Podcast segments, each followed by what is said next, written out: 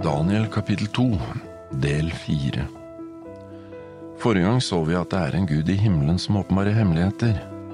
Daniel begynner hos sin åpenbaring av den hemmeligheten Gud har vist ham. Daniel kapittel 2 fra vers 31 Konge, du så i synet en veldig billedstøtte. Det var en mektig stor billedstøtte, og den skinte med strålende glans. Den sto like foran deg og var et fryktinngytende syn. Billestøttens hode var av fint gull, brystet og armene av sølv, buken og hoftene av kobber. Benene av jern og føttene dels av jern og dels av leire. Jeg kan se for meg kongen som nikker gjenkjennende. Det er jo akkurat det han har drømt, ettersom Daniel fortalte ham det han hadde sett. Mens du sto og så på, så ble en sten revet løs, men ikke med hender, den traff billedstøtten på føttene som var av jern og leire, og knuste dem. Da knustes på en gang både jern og leiren, kobber og sølvet og gullet. Det ble som agner fra treskeplassen om sommeren. Vinden tok det så de ikke fant det spor etter det. Men steinen som rammet billedstøtten, ble til et stort fjell som fylte hele jorden. Det var drømmen nå skal vi si kongen hva den betyr. Daniel var jo egentlig ferdig med det vanskeligste nå. Drømmen hadde jo kongen fått, nå visste han at Daniel fortalte det så var sant. Det at Daniel kunne gjengi den, bekreftet bare at han nå sto overfor en som hadde en kunnskap som gjorde at kongen virkelig spisset ørene sine. Det var jo tydningen kongen nå egentlig mest av alt ville høre, og Daniel fortsetter vers 37 Konge, du er jordens konge, som himmelens gud har gitt riket og makten og styrken og æren. Og kongen slapper nok nå litt av. Du er kongenes konge, det var nok slik han likte å se på seg selv. Menneskenes barn, overalt hvor de bor, markens dyr og himmelens fugler, alle har han gitt i din hånd og gjort deg til herre over dem. Du er hodet av gull. Og jeg tror kongen likte å høre det han hører. Men så kommer det plutselig noe som nok kongen ikke er like begeistret for. Men etter deg skal det oppstå et annet rike, ringere enn ditt, og så et tredje rike av kobber som skal herske over hele jorden. Etter deg. Trøsten var at riket var ringere. Riket som fulgte etter Babylon, var det medopersiske riket. Det tredje riket var det greske riket. Daniel forklarer detaljert videre. Deretter skal det komme et fjerde rike som skal være sterkt som jern. Liksom jernet knuser og sønderslår alt, så skal dette riket som knusende jern slå i stykker og knuse alle de andre riker. Det fjerde riket var Romerriket. Metallene som Daniel her beskriver, er veldig spennende.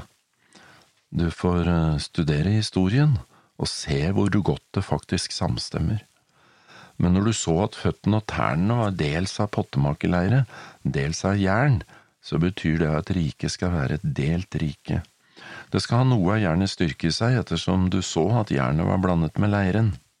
Og det at tærne på føttene var dels av jern, dels av leire, det betyr at riket for en del skal være sterkt og for en del svakt.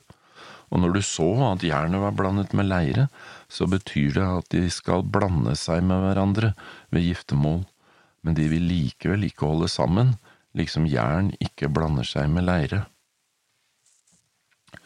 Da jernriket Rom smuldret opp, ble det til ti folkestammer, etter hvert kongeriker.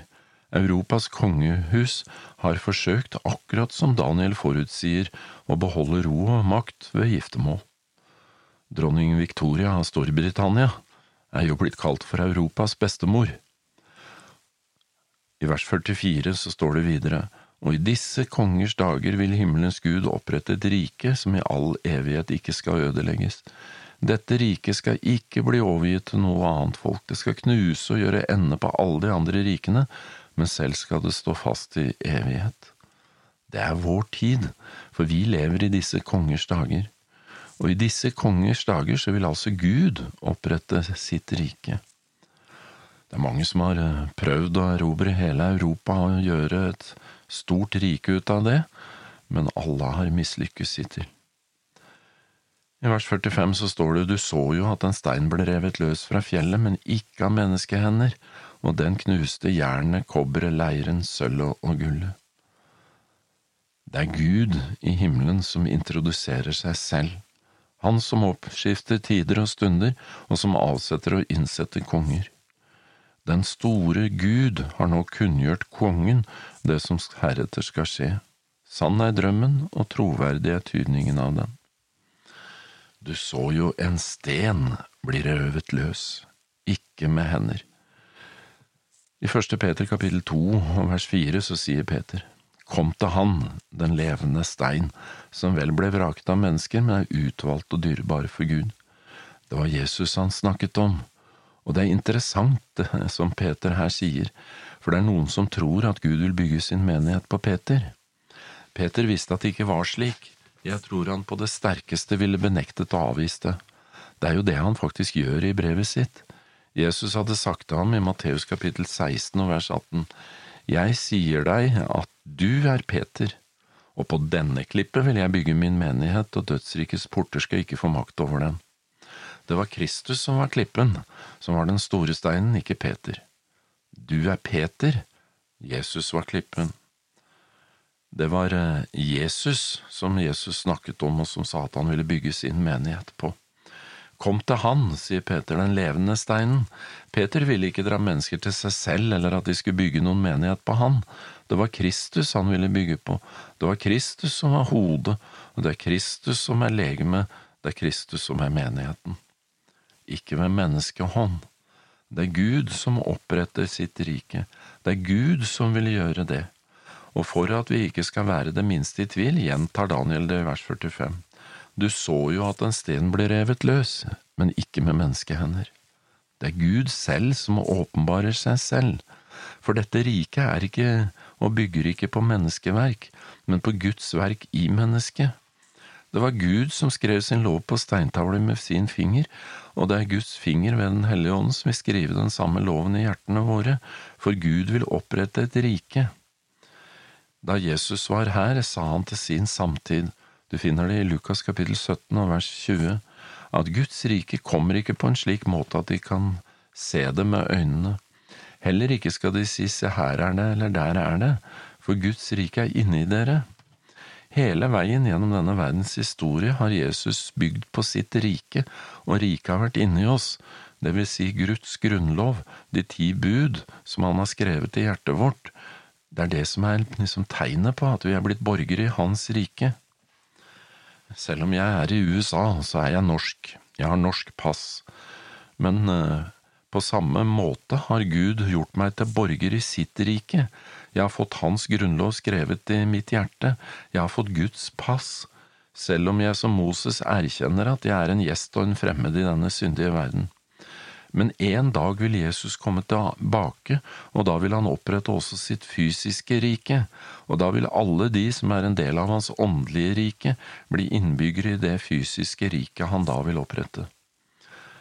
Først da vil han hente oss hjem til himmelen, og så etter de tusen år vil han skape en ny himmel og en ny jord, som vil være de frelstes hjem for evig og alltid.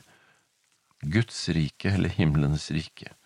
Du så jo at en stein ble revet løs, ikke ved menneskehånd. I vers 47 så tar kongen da til orde og sier til Daniel, I sannhet, deres Gud er gudenes Gud og kongenes herre. Han er en som åpenbarer hemmeligheter, siden du har kunngjort å kunne åpenbare denne hemmeligheten. Kongen anerkjenner også Daniel for tydningen han er gitt. Deretter gjorde kongen Daniel til en stor mann, han ga ham mange rike gaver.